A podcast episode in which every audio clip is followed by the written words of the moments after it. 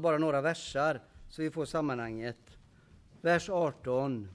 Och han är huvudet för kroppen, för kyrkan, han som är begynnelsen, förstfödd från de döda till att överallt vara den främste. Ty Gud beslöt att låta all fullhet bo i honom och att genom hans blod på korset stifta fred och försona allt med sig, genom honom och till honom, allt på jorden och allt i himlen. Ni känner igen formuleringen i honom och sen i slutet genom honom, till honom. Samma formulering som det var med skapelsen, att allt är skapat i, genom och till Kristus.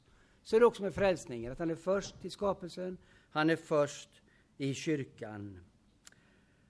Och nu i den här texten, och sen får jag nog ta och använda någon senare vers också, så hittar jag fem ord som beskriver, eller fem aspekter kan man säga, som beskriver vad är fullheten i frälsningen. Vad är det det betyder att Jesus har frälst oss, räddat oss, befriat oss, friköpt oss, förlåtit oss, återlöst oss, eller hur vi nu uttrycker det.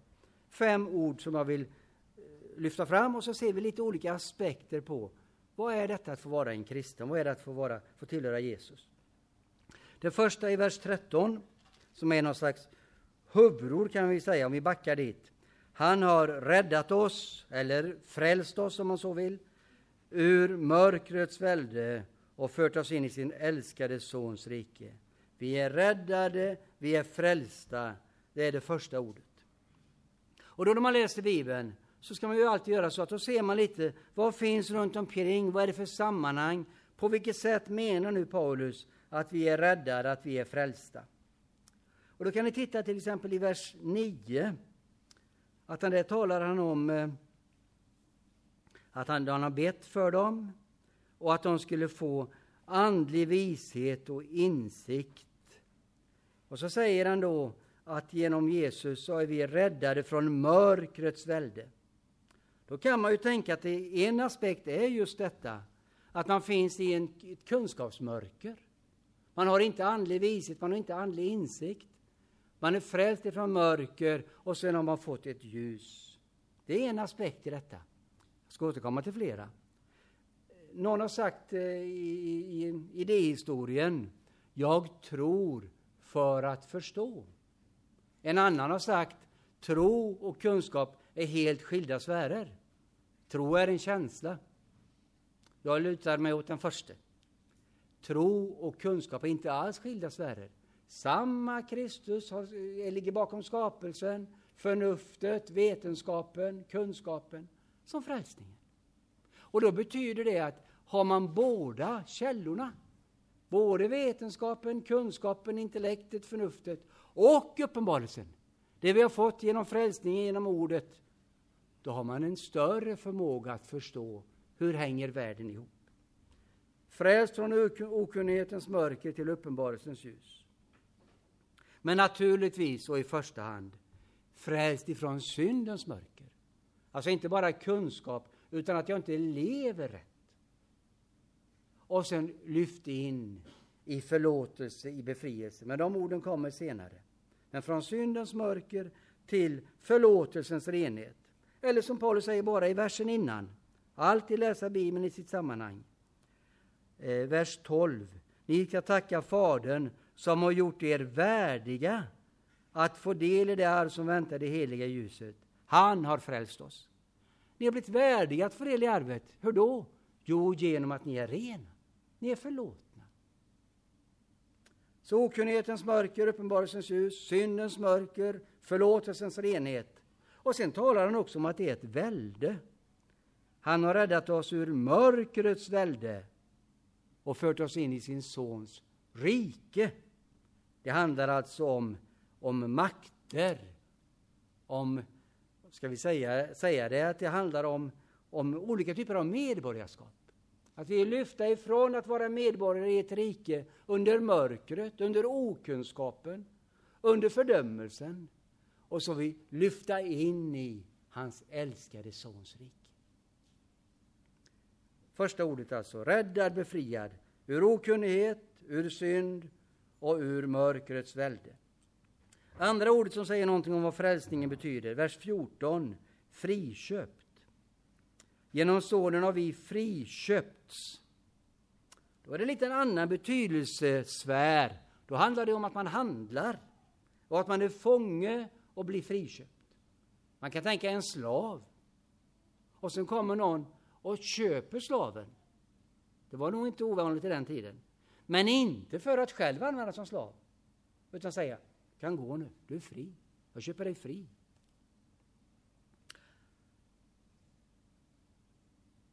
Fångenskap. Synden fångar människor. Ibland tänker man nog att om man inte finns några lagar, inga regler, jag får leva precis som jag vill. Vilken enorm frihet. Men så är det inte. Det är för att vi människor har gått vilse. Tänk dig att du är mitt ute i en skog. Du har gått vilse. Och så möter du någon och så säger du, hur ska jag, hur ska jag gå nu? Och då säger han, gör som du vill. Eller så möter du någon och säger, hur ska jag gå nu? Och så säger han, ja, ja går du åt norr och sen tar du det och så, så kommer du ut till ett samhälle så småningom. Vem skulle du då velat möta om du hade gått vilse? Naturligtvis den som säger, så här och så här är det. Det finns ramar och det finns riktning. Att få vara frälst, att få vara friköpt, det är att bli friköpt ifrån en fångenskap, men inte ut i ett vakuum. Utan Paulus talar om att nu har ni Jesus som er Herre. Ni är slavar, dolos, tjänare. Inte under de onda makterna längre, men under Jesus. För det finns nämligen inget andligt vakuum. Utan antingen är det så att man är utanför gemenskapen med Gud, under makterna, eller så är man ett Guds barn. Men skarp, gränsen däremellan är skarp. Sen är det bara Gud som vet var den gränsen går. Och vi ska inte försöka leta upp var den gränsen går någonstans. Det är i alla fall inte så att de som är kyrkliga tillhör den ena gruppen och de som inte är kyrkliga tillhör den andra. Frälsningen är mycket mer, mycket mer mysteriös än så. Det betyder inte att man inte ska tillhöra kyrkan. Det ska man göra. Finnas med i en församling. Men friköpt, det handlar också om att det som Jesus gjorde på korset är någon slags betalning. Han betalar med sitt liv, med sin helighet, med sitt blod. Friköpt och förlåten står det väl i samma vers. Genom sonen har vi friköpts och fått förlåtelse, det är det tredje ordet. Förlåten, det grekiska ordet här, afesin, det betyder ju olika saker om man är grek eller jude. När juden läste detta så tänkte han säkert på till exempel detta med eh, sabbatsåret. Ni vet ju det att vart, ja, dels vart sjunde år var ett friår och sen sju gånger sju blir 49. Det betyder det att det femtionde året var också något speciellt. Och för en, i det gamla testamentet så skulle han då till exempel avstå från skulder. Man kunde skriva av skulder. Förmodligen betyder det, att, förmodligen betyder det nog att man var väldigt noga med skulderna det 48 året. Så att man var nere på noll, men det är en annan sak. Det här ordet används för att avskriva sådana skulder. Eller om du är grek och läser det, och det, kolosserna var ju greker, så handlar det om att efterskänka skatter. Det här ordet används eh, särskilt i Egypten, där vissa områden var skattebefriade. De behöver inte betala skatt. Då används just det här ordet också. Ni har blivit skattebefriade. Förlåtna. Ni behöver inte betala er, er andel. Ni är fria. Och det anknyter ju då till detta att det som är vårt bekymmer, det har med skuld att göra. Och då har Jesus betalt vår skuld, fri, förlåten. Det fjärde ordet har ni i vers 20-22. Jag kan sammanfatta det med att vi är återförenade med Gud. Eh, vers 20. Genom hans blod, alltså Kristi blod på korset, stifta fred och försona allt med sig, genom honom och till honom, allt på jorden och allt i himlen. Det var en, en schism, en splittring, och så blev det en försoning. Det är ju det som är ordet försona. Vi talar om Jesus som vår försonare, så är det ju, är det, ju det liksom, den ordsfären vi rör oss i, att det är en schism, det är en konflikt på något sätt. Vi är osams, och så försonas vi. Kommer ni ihåg, ja det gör ni naturligtvis, att allt skapades i, genom och till Kristus, hela skapelsen. Vad är nu försoningen? Vers 20. Genom hans blod på korset stifta fred och försona allt med sig genom honom och till honom. Det vill säga att, att försoningen, det är upprättandet av skapelsen. Då kommer vi rätt igen, när vi får en levande relation till Jesus. Det som gick sönder i syndafallet. Det som John Steinbeck skriver om i sin roman Öster om Eden. Att vi föds öster om Eden, bortanför paradiset, i själviskheten. Och så lyfts vi över nu, in i Kristi medborgarskap, i Kristi rike.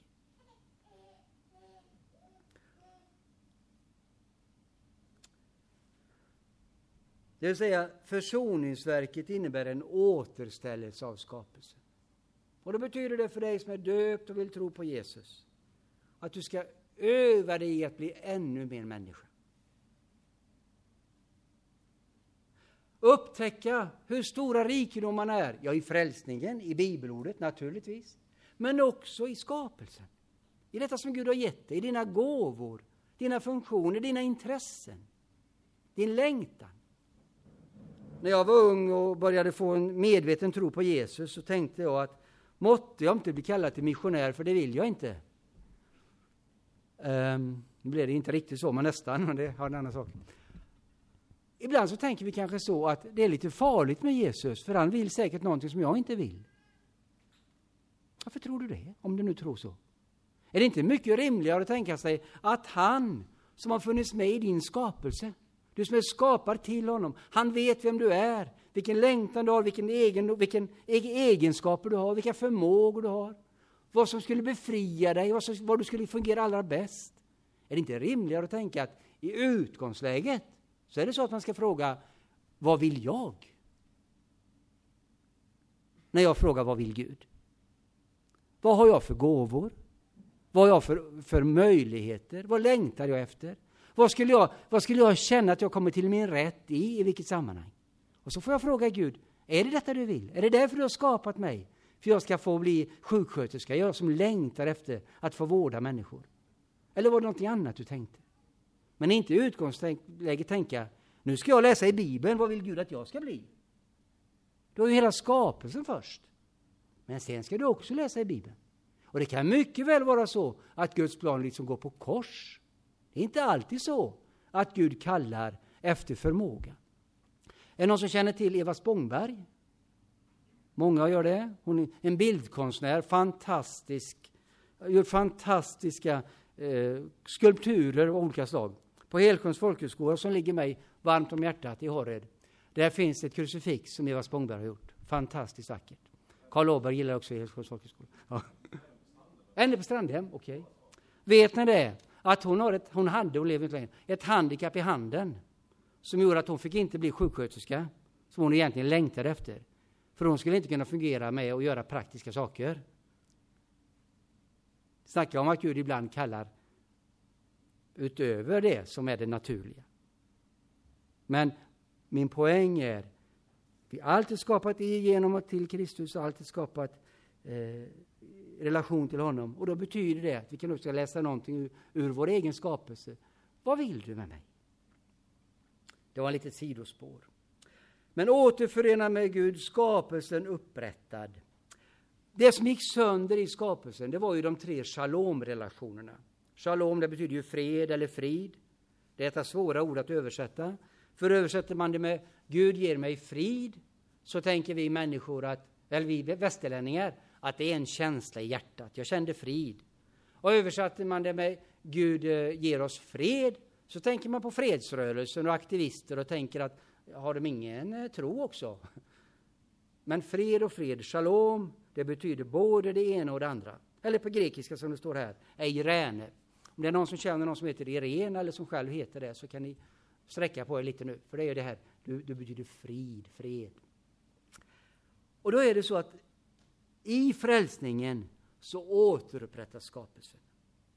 De tre shalomrelationerna, människan, Gud, människa, människa och människa, skapelse. De gick alla tre sönder i syndafallet. Vi föds med trasig relation till Gud. Vi föds med trasig relation till våra medmänniskor och en taskig självbild. För det handlar också om min relation till mig själv.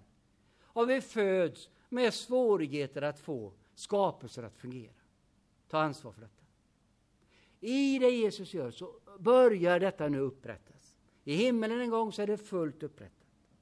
Det finns en fantastisk himmel där skapelsen får flöda. Och Karl och, och, ni andra från Horred, jag tror man kan bada i Helsjön på himlen. Men det, det, är bara vad jag tror, men jag tror det. Eh, eller vad heter sjön här? Ja, man kanske kan, den finns nog också med där. Alltså, jag tror himmelen, det kommer att vara denna skapelsen, denna skapelsen fullt ut. Och det börjar nu, och därför får vi vara med i Guds verk. Att engagera oss för miljö och fred och så. Därför att det är Guds skapelse. Skapelserelationerna oss emellan. Det som går sönder. Vi får be Gud om hjälp att inte bli individualister, även om alla andra är det. Att leva i relation, att skapa relationer, att öppna våra hem för andra. Att hitta ett sätt att leva generöst. Jag brukar ha som ett valspråk som jag säger ibland, och, och jag vet inte, jag lever i alla fall inte upp till det själv. Men poängen med valspråk det är väl att man ska sträcka på sig lite. Ni vet, man säger ibland att lagom är bäst. Och då är mitt valspråk lite mer än lagom. Tänk om alla människor brydde sig om varandra lite mer än vad man gör nu. Tänk om jag motionerade lite mer än vad jag gör nu, Viktor. Var är du? Får lite ordning på kroppen. Tänk om jag tränade golf lite mer än jag gör nu. Ska bli lite bättre. Alltså, jag tror inte världen förändras av att en människa gör jättemycket mer. Men tänk om alla gjorde lite mer. Relationer till varandra. Öppna, möta varandra. Det börjar redan här. Men i himlen en gång så kommer vi att helt få hitta varandra och oss själva. Men sen naturligtvis, och det är helt avgörande, så handlar det om relationen med Gud. Och då är det så med den, att den är helt upprättad redan nu. Men det syns inte utåt. Men det är det jag försöker säga och det är det Paulus försöker säga i Kolosserbrevet. Att i Kristus har vi redan allt. Relationen till varandra. Även om vi vill och önskar så knakar det i den så länge vi lever på jorden. Vårt ansvar för skapelsen, vi kan kämpa och det ska vi göra. Men vi vet att den samtidigt är dömd att gå under.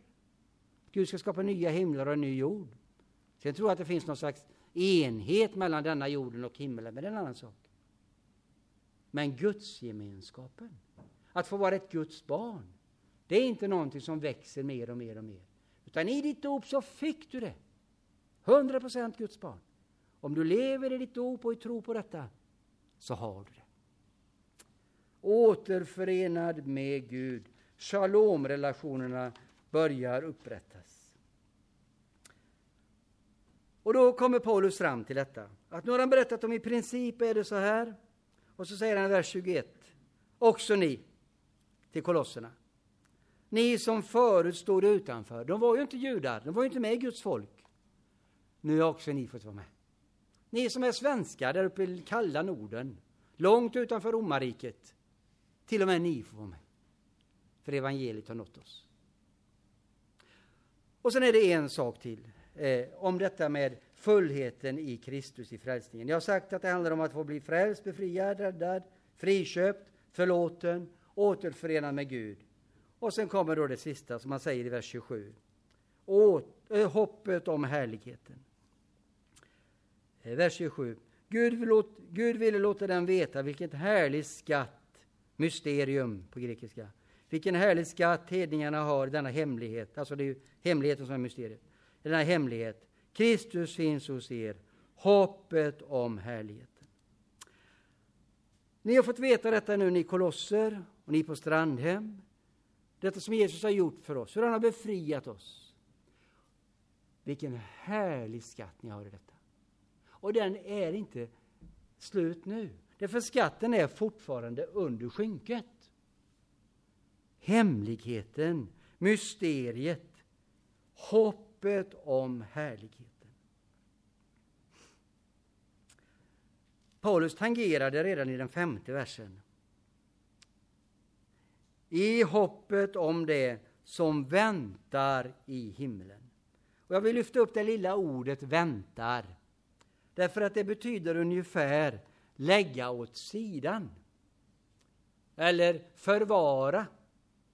Alltså när man kör in, eh, då så att man börjar tröska nere i södra Halland, det har vi inte gjort hemma hos oss ännu. Då kör man in säden och så magasinerar man den. Och så finns den där. Eller om du handlar, du, du, du går och handlar, går i en affär och ska handla kläder. Och så ser du att den, den kavajen ska jag köpa, eller den klänningen ska jag köpa. Nej, jag vet inte. Men tänk om någon annan kommer före då? Så går du till expedit och säger du, kan jag få hänga undan den? Jag kommer tillbaks ikväll. Ja, säger hon. Du måste komma före sex, för då sänger vi. Så är det. Det är ditt, det är magasinerat, det finns och väntar på dig i himmelen. Men du har saker att göra på jorden först, som du ska utföra och som Gud vill att du ska leva i. Hoppet om härligheten. Frälst, friköpt, förlåten, återförenad. Hoppet om härlighet. Alltså Paulus visar oss ett hemlighetsfullt mönster i, i, i, i, vår, i, vår, eh, i vår värld. Eh, där vi började med att allt är skapat i Kristus, vers 16. Allt är skapat i Kristus, han är liksom universums grundstruktur. Och sen det andra, också vers 16, allt är skapat till Kristus. Han är universums mål, alla människors mål. Det tredje, han är förstfödd i kyrkan, han är förstfödd i den nya skapelsen, vers 18, om man nu vill kalla det så. Den gamla skapelsen, det som ska gå under en gång, och den nya som börjar med kyrkan. Där är han också förstfödd. Och så säger, säger Paulus här att allt är försonat i Kristus. Och så kommer det i vers 21. Också ni, kolosser, också ni har fått del av detta. Och då behöver vi avslutningsvis nu de sista tio minuterna säga någonting om detta. Hur tar vi då emot detta? Och vad innebär det att leva i det som Jesus har gjort för oss i skapelsen och i frälsningen? Och då säger jag då att, och det blir liksom den tredje huvudrubriken om ni är med i detta, lite struliga och lite röriga. Alltså det första var ju att Kristus är fullheten i skapelsen. Han är fullheten i frälsningen. Och nu kommer det, Kristusfullheten tas emot i tro. Och det är vers 23.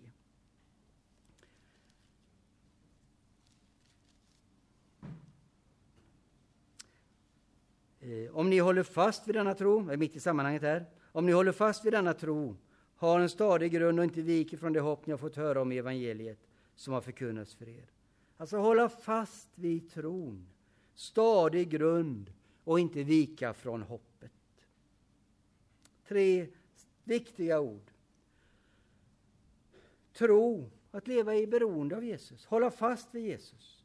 Och som jag sa tidigare, en tro på Jesus och inte en tro på min tro.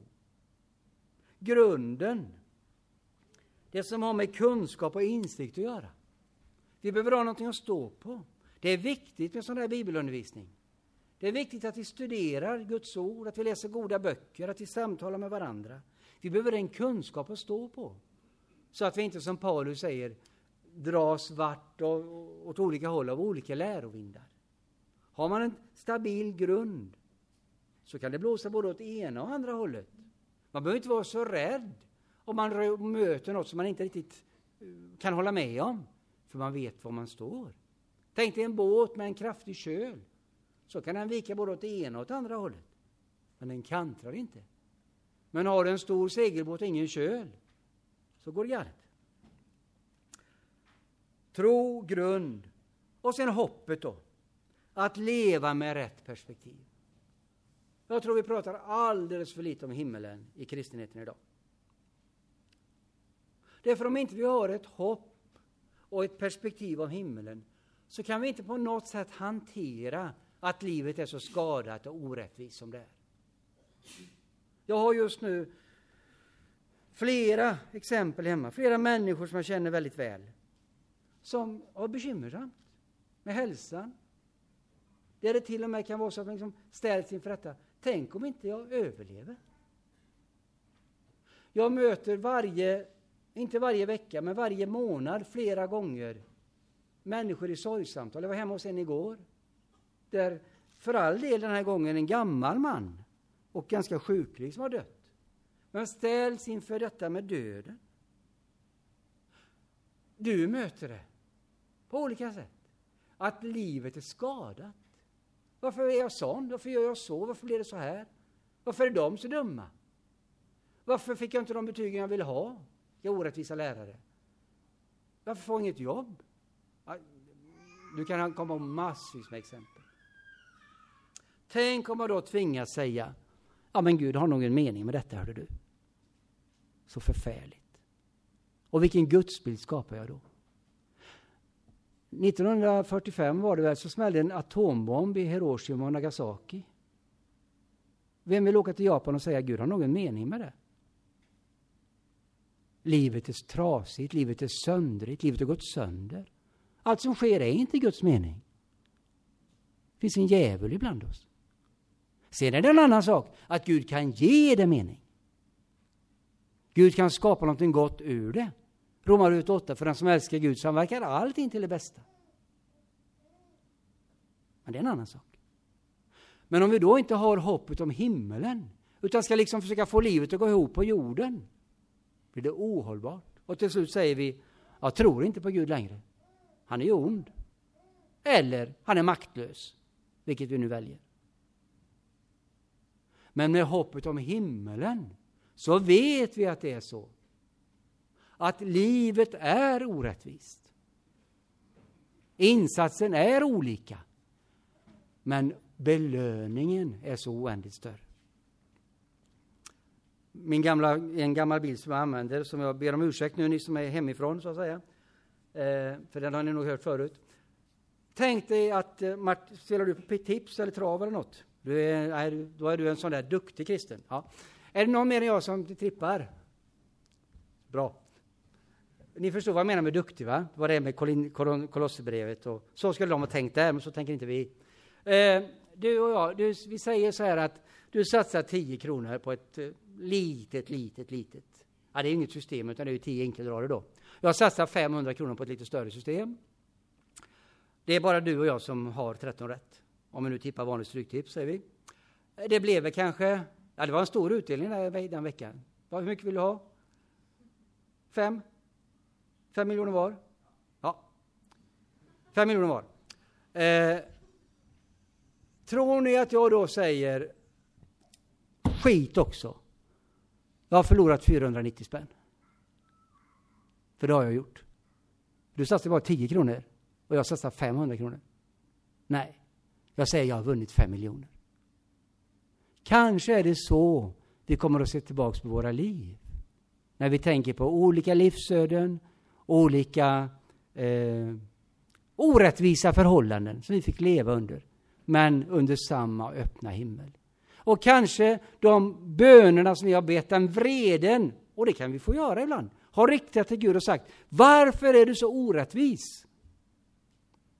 Kanske att när vi kommer i förklaringens ljus att vi säger att hör du Gud, himmelske fader, jag var, jag förstod inte riktigt när jag bad den bönen. Hoppet om härlighet. Nu får detta tas emot i tro. Leva med denna grunden, med kunskapen, med insikten och hela tiden under en öppen himmel med evigheten som mål. Gud är inte långt bortom rymder vida, för himlen är öppen. Och Gud är mitt ibland oss med sin gode helige Ande. Och detta får jag alltså del av genom förkunnelsen. 1.28. Honom förkunnar vi genom att vägleda alla människor och undervisa dem alla med all vishet för att kunna föra fram alla som fullvuxna. Alltså det är genom ordet som tron väcks och mognar och stärks. Men också genom vardagens liv naturligtvis. Men ordet och vardagen måste mötas. Och därför måste vi avsätta tid för detta. Att, att studera Guds ord, att läsa Guds ord, att bedja. Samtala med varandra, bönegrupper och hur ni organiserar det. Och sen det sista då, om jag får bara några minuter till. Det är fem minuter kvar tror jag. Kristusfullheten levs ut i vardagen. Och då an, vi kan bara ange här eh, det Paulus han tar upp tre saker om vardagen, hur det levs ut. Och lite förvånande kanske är någon av dem. Den första tror jag vi köper rakt av. 1, vers 9 och 10. Ehm. Från den dag då vi har fått höra detta har vi därför ständigt bett för er. Vår bön är att ni ska fyllas av kunskap om Guds vilja med all andlig vishet och insikt. Det vill säga att ni ska få växa i er tro, i er kunskap, i era, era goda gärningar. Tron ska få ta sig uttryck i kunskap om Gud och i goda gärningar. Vers 10. Så att ni kan leva värdigt Herren och på allt sätt behaga honom med alla slags goda gärningar när ni bär frukt och växer till i kunskapen om Jesus. Alltså, Paulus blandar ju detta. Vi kan ju tycka att kunskapen är en sak och gärningarna någonting annat. Nej, nej, nej. I gärningarna syns det vilken insikt du har. Och insikten ska leda till gärningar, till liv.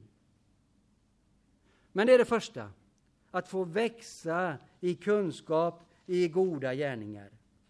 Kristus, Kristusfullheten så att säga, levs ut genom detta.